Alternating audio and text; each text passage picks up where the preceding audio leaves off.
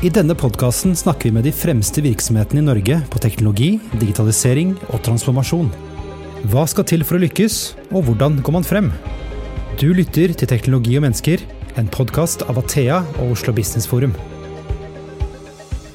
Hei, nå får du et opptak fra en livepodkast vi hadde tidligere denne måneden i eh, Trondheim. Hos deg. Vi har med oss et fantastisk panel. Det er Ida Eriksdatter Brobakke, som er lead designer i Inventas. Daniel Wahl Bolle, som er daglig leder i Step Solution. Og så har vi vår egen Lars Iversen, som er strategisk rådgiver i Athea. Velkommen. Takk. Jeg hørte én ting før vi gikk på her, eh, som eh, ikke var Det var ikke sjokking, altså. Men det er faktisk et ektepar her. Eh, første gangen i poddens historie. Vi holdt på, Nå er det i syvende sesong, eh, starta med det i dag. Eh, så det er altså Ida og Lars. Dere er gift. Jeg skal bare minne dere på én ting, at dette ikke er parterapi. Så keep it soft, uh, osv. Men velkommen uansett. Uh, ja, I introduksjonen min så var det jo fryktelig mange begreper. OT, IT har vi et forhold til. men når jeg leste meg på det her, da, så er det IOT, det har vi kanskje et begrep om. Så er det noe som heter IOT, og så er det ST. Ida, hva er alt dette her for noe? Jeg tror det var tre av fire, hvis det holder. Eh, OT, operasjonell teknologi, er eh, kontroll og overvåking av eh, industrielle maskiner og prosesser. Um, og så Altså, man kan tenke eh, automasjon og styringssystemer av fabrikkanlegg, vindmøller, eh, den type ting. IOT, Internet of Things, eh, er jo da sensorteknologi, altså du har objekter gjennom sensorer for sendt data opp i sky. Jeg tenker da på smarthusteknologi og uh, den type ting. Eh, og så er det IIOT, Industrial Internet of Things. Det er samme teknologi, men i industriell kontekst. Så det er jo å få data fra eh, type ventiler i en, uh, i en sånn produksjonsprosess, få data fra den opp i internett. Og den siste, ST, ST, ja. den må jeg sende videre. Hvem tar det av? ja, det får du ikke. Feel free. Ja. Det er ingen som vil ta den? Nei, ingen som, ingen som vet. det er ingen som vil. Det er ikke så viktig. Eh, Lars eh, eh, Lars, eh, når jeg liksom leste meg opp på dette temaet her, så, eh, så fikk jeg en følelse av, eh, hvis Google har rett, da, og det føler vi at vi ofte har, at det er stadig mer prat om dette. Eh, OT, IT. Eh, hvorfor har dette det er, ikke, det er ikke som AI på alles lepper, men det er nesten der. Hva er bakgrunnen for det? Altså, fra et Athea-perspektiv så kan man si litt at vi har hørt at det er skrapelyder på utsida av selskapet. Eh, og etter hvert også liksom kloremerker, eh, hvor, hvor, industrien, altså alle dem som produserer noen ting, begynner å etterspørre eh, den måten å analysere data på som vi er vant med fra finansverden, f.eks. Og det vil si at man har liksom velstrukturert data, den er superkategorisert og, og velegna til å analysere for å kunne ta ut av, Se for deg et, et, et ERP-system hvor man har kontroll over alle minste faktorer ved, ved operasjonen altså av, av et selskap eh, all økonomi, eh, prissetting, margin, marginer og hva det kan være. Den herre steinkontrollen som man har i, i, i data- og finansverden, ønsker man også nå inn i industrien. Og det er jo fordi at det plutselig har blitt mulig å ta ut denne dataen fra disse IOT, IIOT og, og hva det nå kan være. Eh, hvor det før har vært veldig en lukka verden. Det har vært litt sånn, det kan være maskinutstyr som er 20-30 år gammelt og som aldri var laga for å sende signaler til internett. Eh, og dem som opererte dem, kanskje var livredde for å sende fordi at det kunne gå dårlig og være usikkert. Men nå når man liksom, vi er ikke redd for å ta et fly som er kobla opp, så hvorfor skulle vi ikke kunne koble opp et ølbryggeri?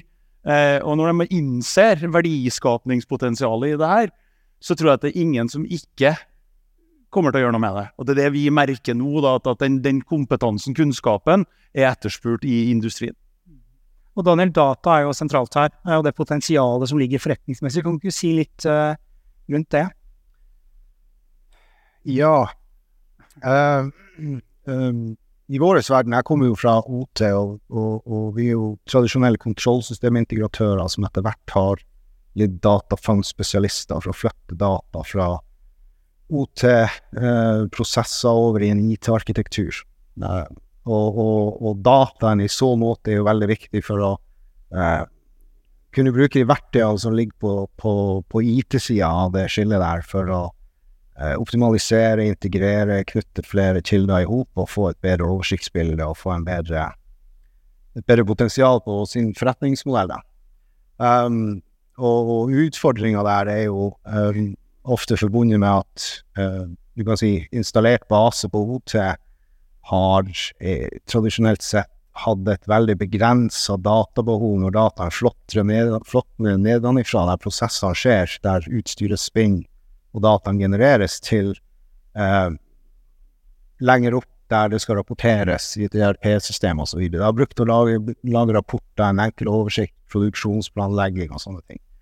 Mens det gjengen som nå kommer fra IT-skillet og skal bruke denne dataen, den kommer med verktøy og metoder og integrasjoner som, eh, som er veldig effektive, og som har veldig høye krav til dataen for at den skal være effektiv.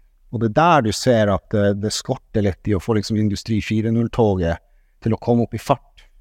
Um, så, så, når vi snakker data, så er det jo det er, det er to ting. Det ene er å få den tilgjengeliggjort, altså få den ut fra OT-arkitekturen i en oppløsning i et format i en, på en måte som gjør at verktøyene og databehandlinga blir effektiv. Um, og det andre det er det her med industriell domenekompetanse på å forstå data. Fra den genereres, må du forstå prosessen, du må forstå hva dataen representerer. Og den forståelsen må du ta med deg helt opp til dem som sitter og skal analysere det. Og, og der føler jeg også at det er et skille litt i dag. De som sitter fra IT-sida, har veldig gode analyseverktøy, men veldig få av dem forstår produksjon og prosessindustri godt nok til å make heads or tails av data. Så, så i lag med Thea så har jo vi eh, vi har jo sett viktigheten av et sånn tverrfaglig samarbeid, der de tingene jeg snakker om her, blir egentlig lagt på bordet, og hvordan løser vi det i fellesskap for industrikunden. Og industrikunden sitter der og tenker data. Ok, hva er data? Eh, hvordan er verdiforslaget mitt? Og Der er det mange måter å, å spinne det her på. Optimalisering, forbedring. Alle buzzwords. Sånn men kunne stiller spørsmålet på nytt og på nytt. Men hva er det det betyr for meg? Hvordan får jeg mer ut av det her? Og der, der tenker jeg at IT-bransjen har litt å lære. Vi sitter jo på OT og ser at produksjonsprosessen i de, kanskje de fabrikkene hos våre kunder er jo ekstremt trimma. De har gått gjennom lean-prosesser og Kaizen-modeller og fulgt Toyota sin måte å produsere ting med ekstrem oppetid, ekstrem nøyaktighet, ekstrem takt. Um, så, så, det er veldig få gaps å, å lukke. Så når vi kommer dit nå og sier til industrikunden at vi skal, vi skal, forbedre din industri, da bør vi vite hva vi prater om. For han har veldig god formening om hvor mye det er å hente i verdikjeden på produsering. Ja. Og Daniel, i min verden så var data data, men så har jeg hørt nå Du snakker om høyoppløselige data. Hva i alle dager er det? Ja, altså, ja det, det, er jo, det, er jo, Hvis du ser OT-vertikalen, da, fra der dataen genereres, eh, og den styres av en PLS, og så er det kanskje en HMI, og så er det et SKADA, så er det et operatørsystem, det er operatøren er en driftssentral, og så har du et uh, manufacturing execution system på toppen. Så data flotter man oppover, men det, det, er en, det, er en, det er en vertikal som er forma som et uh, trapes. Men jo høyere opp du kommer, jo mindre, um, mindre data får du, kan du si, litt sånn forenkla, da. Uh, og dataen er på sitt mest høyoppløselige i både mengde, hvor mye data du får, som viser hvor detaljert bilde av prosessene du kan få. Det, det får du jo på lavnivå. Og der er ikke OT-systemene per i dag bygd for å høste dataen på det nivået. De er vant til å bli filtrert gjennom kan du si, monitorering og styringsverktøy, og så til en rapport. Um, så når vi skal frigjøre de her dataene på det nivået, så må vi la med IT-aktører finne ut hvordan vi best får det her inn i en landingssone i en sky eller on-premise-servere der verktøyene ligger, til å bruke data effektivt. Jeg gi deg en ting jeg for Det høres jo mye ut av eh, Hvis vi skal prøve å forklare, for det vi snakker om, er det så enkelt at vi nå skal koble disse maskinene opp på internett? Er det det det handler om? Altså, det er ikke feil å si det, men jeg tenkte litt å bygge videre på det Daniel sa. Altså, jeg kommer jo fra altså designverdenen er jo på en måte Fokuset mitt er å jobbe med verdiforslag for kunder. Um, og litt sånn min inngang inn i IT og OT handler jo og det er jo også selvfølgelig en forenkling, men det handler om at man plutselig har fått muligheten til å hente data fra de her fysiske prosessene som enten var for kostbart og dyrt, at det var liksom forbeholdt uh, ja, veldig sånn høytekniske storindustri. Det har blitt mer tilgjengelig. Um, og, um, og, så er det kanskje også en del bedrifter som merker at de har uh, slitt med lønnsomhet, og er nødt til å få, få ut på en måte mer verdi. Så, så fra mitt ståsted så handler det egentlig bare om man har i mange omganger gjort masse tiltak for å forbedre verdiskaping, og nå er det her, den dataen fra de fysiske prosessene, en ny måte. Og så i hodet mitt så syns jeg også det, det, er en sånn fin distinksjon. Så det ene du snakker om, det er hvordan man kan optimalisere egentlig den fysiske prosessen. Som handler om at du kan eh, optimalisere kapasitetsutnyttelse på maskinene, levetid, den type ting. Eh, og som du sier, det er mange som har veldig god kontroll på det. Um, men så har du det nivået over der som kanskje det jeg syns er mest spennende. Det handler om hvis du bare zoomer ut og ser på hele verdikjeden, på hvordan man skaper verdi. Hva er det denne OT-dataen kan være med å forbedre? Og da, Vi har jo snakka om det, har vært nevnt flere ganger i dag, men sånn som denne batterifabrikken Freyr, som har tenkt å bruke det til hvordan de forbedrer produktene sine. Så de har tenkt å på en måte fange sensordata fra batteriene når de er ute i bruk, og finne ut hvilke batterier som gjør det best. Se når de ble produsert, hvilke, hvilke forutsetninger og innstillinger fabrikken hadde, og så replikere det. Og det liksom, da har du en helt annen måte å se eh, helhet de verdikjede, som på en måte strekker seg ut av maskinrommene og den type optimalisering. Um hvor flinke er eh, liksom, industrien til å gjøre dette? For det høres jo Jeg tenker også at du sikkert kan drive tjenesteutvikling på toppen, altså du kan gjøre en hel masse ting, AI sikkert osv. Hvor, hvor flink er norsk industri til å gjøre det her? Altså, det, det, på mange måter så, så, er det å se at, at, det foregår i siloer. Dvs. Si at altså, alle disse prosessene blir satt opp hver for seg. Det finnes en sky til alle ting som blir levert nå. Så hvis du kjøper noe uansett, også i IT-verden, så, så, kommer det med sin egen sky. Eh, og, og, det skal prosesseres, og det skal tilføres datakraft, om det er maskinlæring eller hva det kan være. Og så er jo det største problemet at disse prosessene som Ida er inne på, de henger jo egentlig sammen. Mens når de blir levert, da, om, om det er en maskinprodusent uh, i, i, industrien, eller om det er i, i IT-verden, så prøver alle sammen å ha en eller annen form for lock-in-effekt. Dvs. Si liksom, du må ha min maskin med, med min sky, Eh, med min eh, algoritme av hva det kan være av, av, av dataformat og osv. Mens kundene, altså de som driver med verdiskapning, er jo ikke interessert av det. De ønsker jo på en måte å ha et helhetlig bilde. Et generisk bilde av, av liksom, data som kan sammenlignes eller brukes sammen. Eh, og, og, den rollen tror jeg kanskje mangler i industrien. Eh, at, at, noen på en måte tar på seg det, det ansvaret.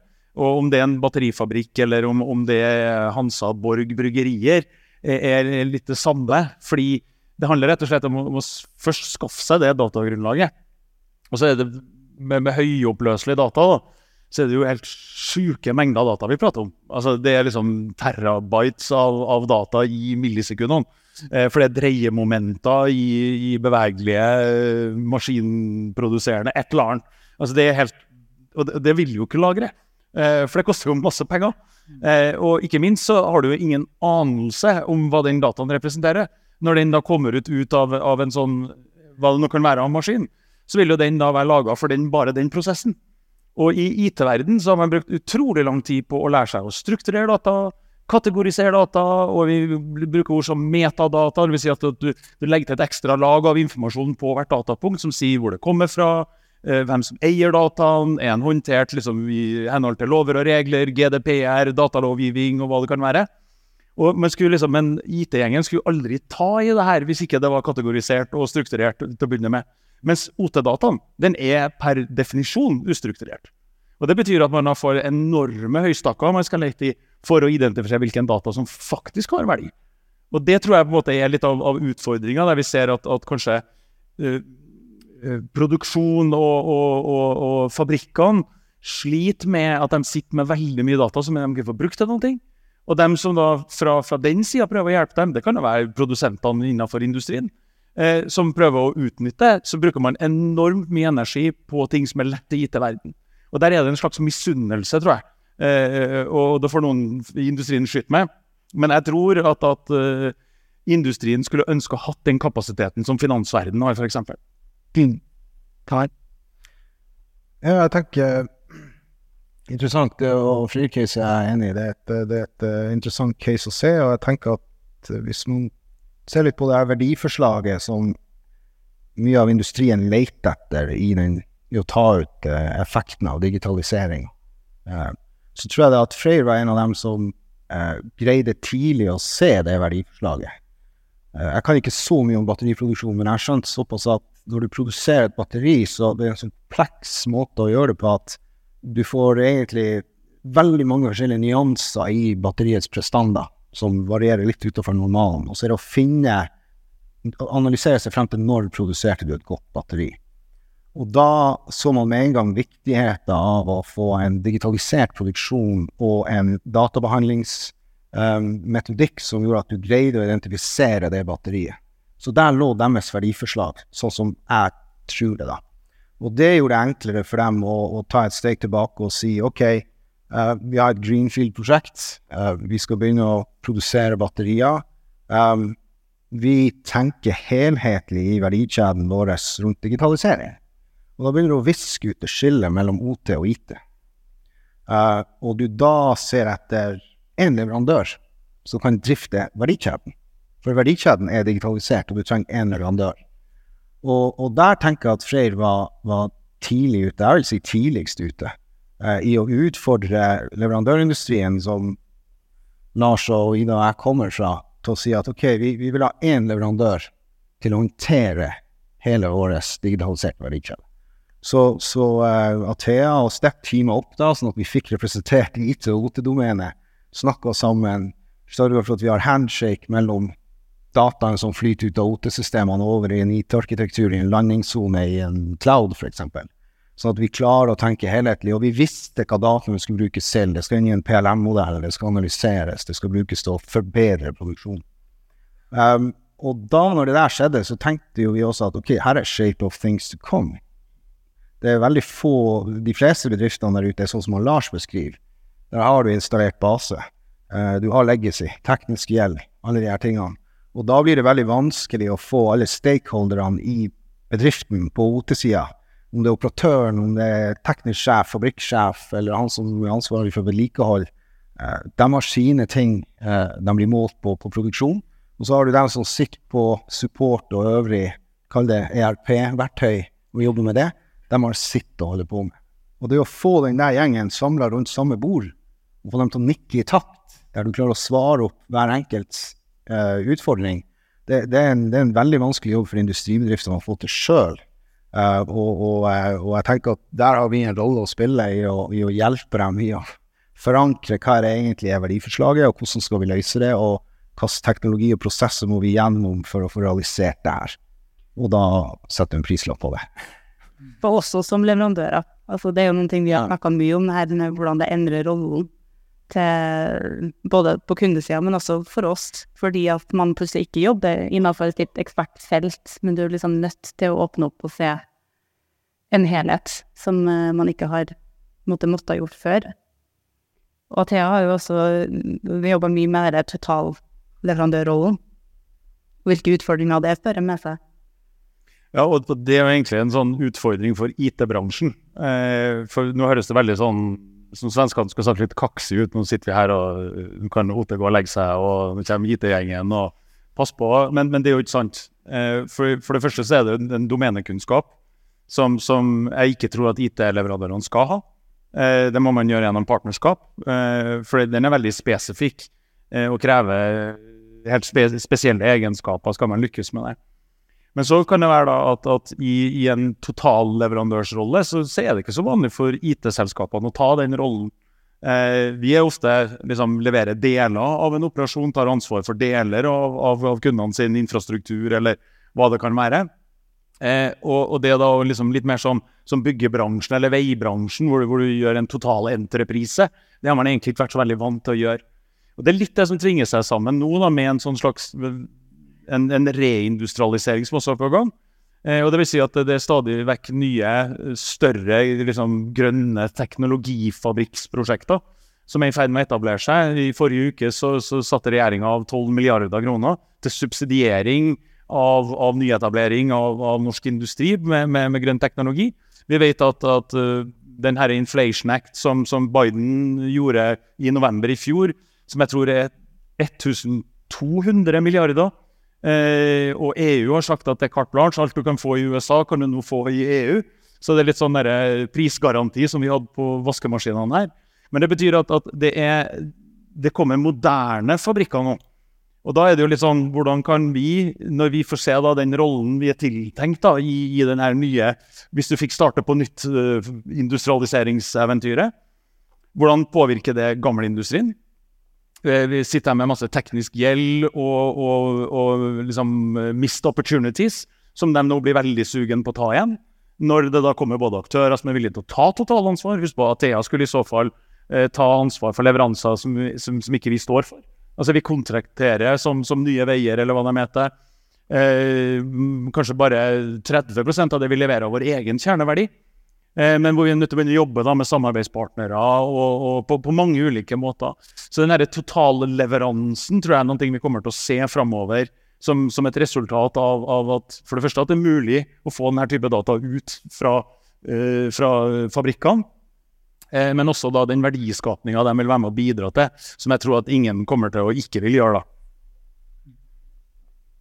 Jeg tror også, jeg tror også vi skal kjenne litt på de her eksisterende industrikundenes eh, eksisterende kompetanse og forståelse for det som skjer, fordi noen av dem er jo det, det varierer moden, varierende grad av modenhet, men noen av dem er kommet ganske langt. Noen av dem har prøvd og feila mye på egen hånd og har en veldig klar formening om hva de er gode og, og svake på. Og vi, vi, ser jo i samarbeid. Vi, vi, vi snakker jo med flere andre uh, selskaper innenfor industri hvor, hvor, du har veldig forskjellige problemstillinger, og, og hvor kunden allerede har tenkt mye, prøvd en del og, og fått litt sånn fotfeste, og da skjønt jeg trenger hjelp. Um, og, og, da um, si, Det er også enklere å gå inn med å gjøre verdiforslagene tydeligere, kontra det å gå ut til industri bredt og si vi kan hjelpe deg med å Gjennom, eh, gjennom digitalisering eh, endre din forretningsstrategi og liksom bruke de her buzzwordsene og få ledelsens oppmerksomhet. Så, så, eh, så, er det ganske gledelig å se egentlig at industrien har allerede begynt. Eh, vi arbeider sjøl på egen hånd, og da blir det tydelig hvilke tjenester, sånn som de vi representerer, som, som passer inn da. Eh, vi kommer jo ikke unna sikkerhet, fordi når ting skal flyttes opp eh, kobles til internett, så dukker det opp nye farer som de kanskje ikke har følt på kroppen tidligere. Da. Eh, hva er det vanskeligste her når det kommer til sikkerhet? Nå er, nå er ikke jeg en sikkerhetsekspert, men, men, jeg har forstått så mye at, at, en av de største bekymringene til industrien er, er sikkerhet. Eh, og det er jo knytta til oppetid. Eh, men så er det jo også HMS. Eh, altså når, når eh, fabrikkskomponentene sin sikkerhet blir tatt i betraktning, så handler det like mye om at folk kan dø. Altså Folk kan bli ordentlig skada hvis, hvis, dette går feil. Eh, så, så, og For IT-bransjen så er det litt sånn Det er klart vi jobber med farlige prosesser fra før av, men, men, men det å begynne å ta helhetsansvar også for prosesser der, der det er HMS-krav som er ganske høy, det er for det første krevende, men også veldig spennende. Men det betyr at, at den måten vi håndterer sikkerhet på i, i resten av, av, av norsk næringsliv og offentlig sektor, er ikke noe annerledes i den grad. Så husk på at IT har jo levert nettverk til uh, fabrikkene og produksjonen uh, lenge. Uh, og det har jo også vært IT-sjefene sin rolle, selv om de ikke har fått så veldig mye med produksjon, verken data eller leverandører eller hva det kan være. Så har vi hatt ansvaret for infrastruktur på, på, nettverk og, og kanskje også da trådløst nett eller hva det kan være. Så den sikkerhetsbiten handler mer om akkurat det koblingspunktet mellom selve maskina. og idet den avgir noe data, så får du også tilgang til, til, til maskinkomponenten. Men det har jo industrien holdt på med bestandig. Det er jo ikke noe problem. Så det å få transportert data, når den er transportklar, så er det ikke noe problem. Det, det, har vi holdt på med kjempelenge. Så vi skal heller ikke overdrive eh, sikkerhetsbehovet. Det skal være sikkert, ja. Eh, og etter alle kunstens regler. Men det betyr ikke at det er en annen type sikkerhet. Det er bare at du må vite hva du holder på med. Men det er jo derfor jeg også sier det at denne type eh, ansvarsfordeling, da, med å jobbe med dem som er skikkelig skikkelig dyktige på det her, kombinert da med dem som, som er som Athea, verdensmestere i sikkerhet på, på alle andre områder. Ja, nei, jeg skulle bare si at det, eh, vi observerer det jo et par ganger at, at eh, man har fra OT-sida og leverandørene der levert kontrollsystemer og kanskje nettverk, OT-nett. Og så har man aldri egentlig tenkt at de her tingene skal kobles på, kalle det internettet. Det er litt sånn airgap-tankegang. Um, og da, da, har det vært tilfredsstillende løsninger fra OT-leverandører på hvordan et OT-nett settes opp og, og, og rønnes da, eller driftes. Um, men når vi ser når vi, når vi når, han, han lar seg et uttrykk som, som jeg mistenker han får veldig rett i, at IT spiser OT. Når, når, du skal tenke helhetlig rundt de her tingene, når du begynner å sammenligne løsningen på nettverk, f.eks., på det som tradisjonelt er et IT-nett, og måten OT-nettet er satt opp på, og du da tenker sikkerhet, så begynner du å se at de, det er nok på IT-sida at de beste verktøyene for OT-nettet ligger. Både på den overordna monitoreringa av sikkerheten. Du har mye bedre sikkerhetstjenester, SOC-tjenester, som er vanlig i et IT-nett. Det er ikke nødvendigvis så vanlig på et OT-nett. Um, og, og, um, og, sammen med sånne remote access-løsninger til fabrikken. For plutselig skal du åpne opp uh, arkitekturen på OT for flere tilkoblinger. Uh, og da må du ha en kontroll på hva som kobler seg på. Og der igjen, hvis du tenker sikkerhet, så, så innenfor OT-verdenen så bruker man bare sånne sikker VPN, eller du, du, du, Vi har veldig enkle verktøy for bare å få tilgang til det utstyret vi trenger. Men nå må du tenke helt annerledes rundt hvordan du åpner OT-nettverket. Så IT ender nok, tror jeg, opp med å komme inn med de beste security-verktøyene for en bedrift som skal eh, virkelig viske ut skillet mellom OT og IT. da. Jeg hadde bare lyst til å legge til, som man snakker sikkerhet i OT, så er det jo liksom ikke til å stikke under stol at ofte har mye større konsekvenser. Altså sånn det, det er snakk om maskiner og folk som er i veldig farlige situasjoner. Det var nevnt her på foredraget til Ivar om sikkerhet, altså at man kan hacke seg inn i systemer. For det er jo styring også, det er ikke bare overvåking. Du, du kan jo endre på ja, vannreservoarene til en by. Altså så skadeomfanget i den fysiske verden er jo mye større, og derfor så har man en helt annen kultur på OT-sida, for når man snakker om sikkerhet, um, som definitivt preger også diskusjonen uh, nå. Men etter din løsninger, det gjør det sikkert, men det, det er et helt annet fokus, opplever i hvert fall det. Men samtidig så har vi også sett det når vi har kommet i dialog da med, med, med, med produksjonen, at, at, måten å håndtere GDPR på f.eks. er ikke spesielt bra.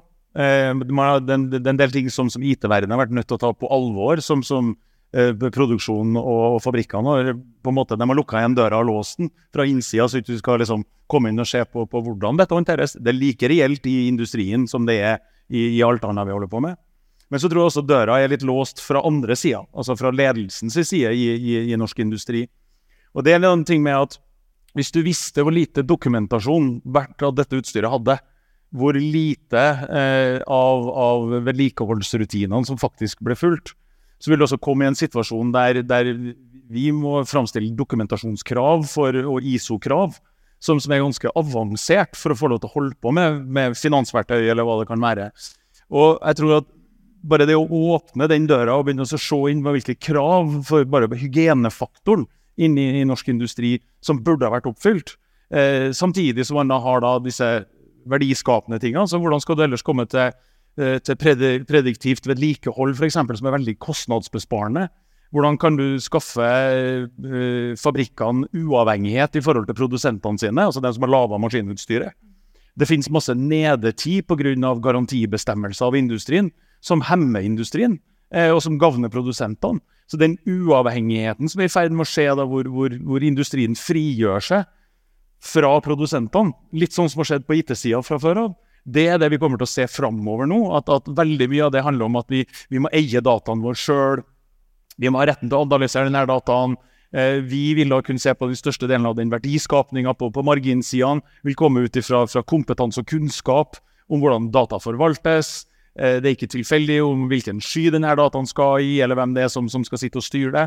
Så vi, jeg tror at mye av, av, av, begynnelsen på en ganske stor reise, der, der på en måte ikke bare skal skilleveggen mellom liksom, OT og IT bort, eh, men, men, den sammensmeltinga, eller den konvergeringa, kall det hva du vil, den kommer til å ha en, en ganske hyggelig oppside. Så det er ikke bare for at vi må, og noen krever det av oss av, av EU, eller hva det kan være. Det er fordi at det er rett og slett lønnsomt. Uh, og jeg tror presset også ligger på OT-sida. Uh, det du skisserer her, er jo uh, Hvis du til sammenligning ser IT-bransjen for 30 år siden, uh, så var hardware og software det var gjerne ett og samme selskap. Det var IBM. Og, og så mener jeg husker det var Dell som virkelig slo hold på den her produksjonen av hardware av, eh, som gjorde at flere av de her tradisjonelle systemhusene som også hadde hardware, liksom kasta kortene og sa greit, eh, de vinner. Vi skal konsentrere oss om software, så for dem som er gode å produsere hardware billig og, og, og bra, gjøre det.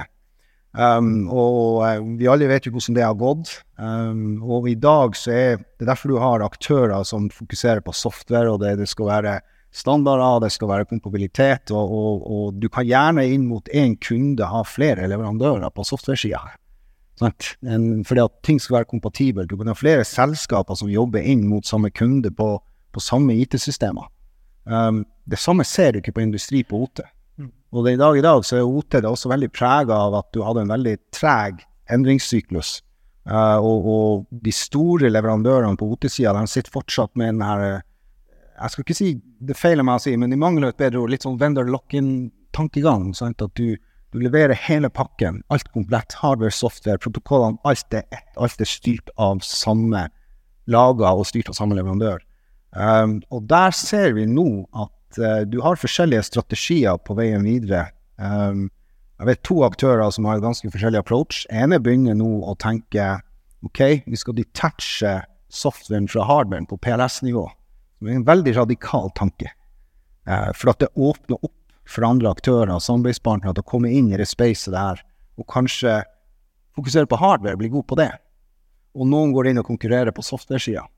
Um, mens en annen aktør går andre veien og egentlig styrker konseptet sitt og heller bruker en sånn plattformtankegang for å være et mellomledd mellom det tradisjonelle IT og OT, og sånn sett svare opp eh, kunden sine ønsker.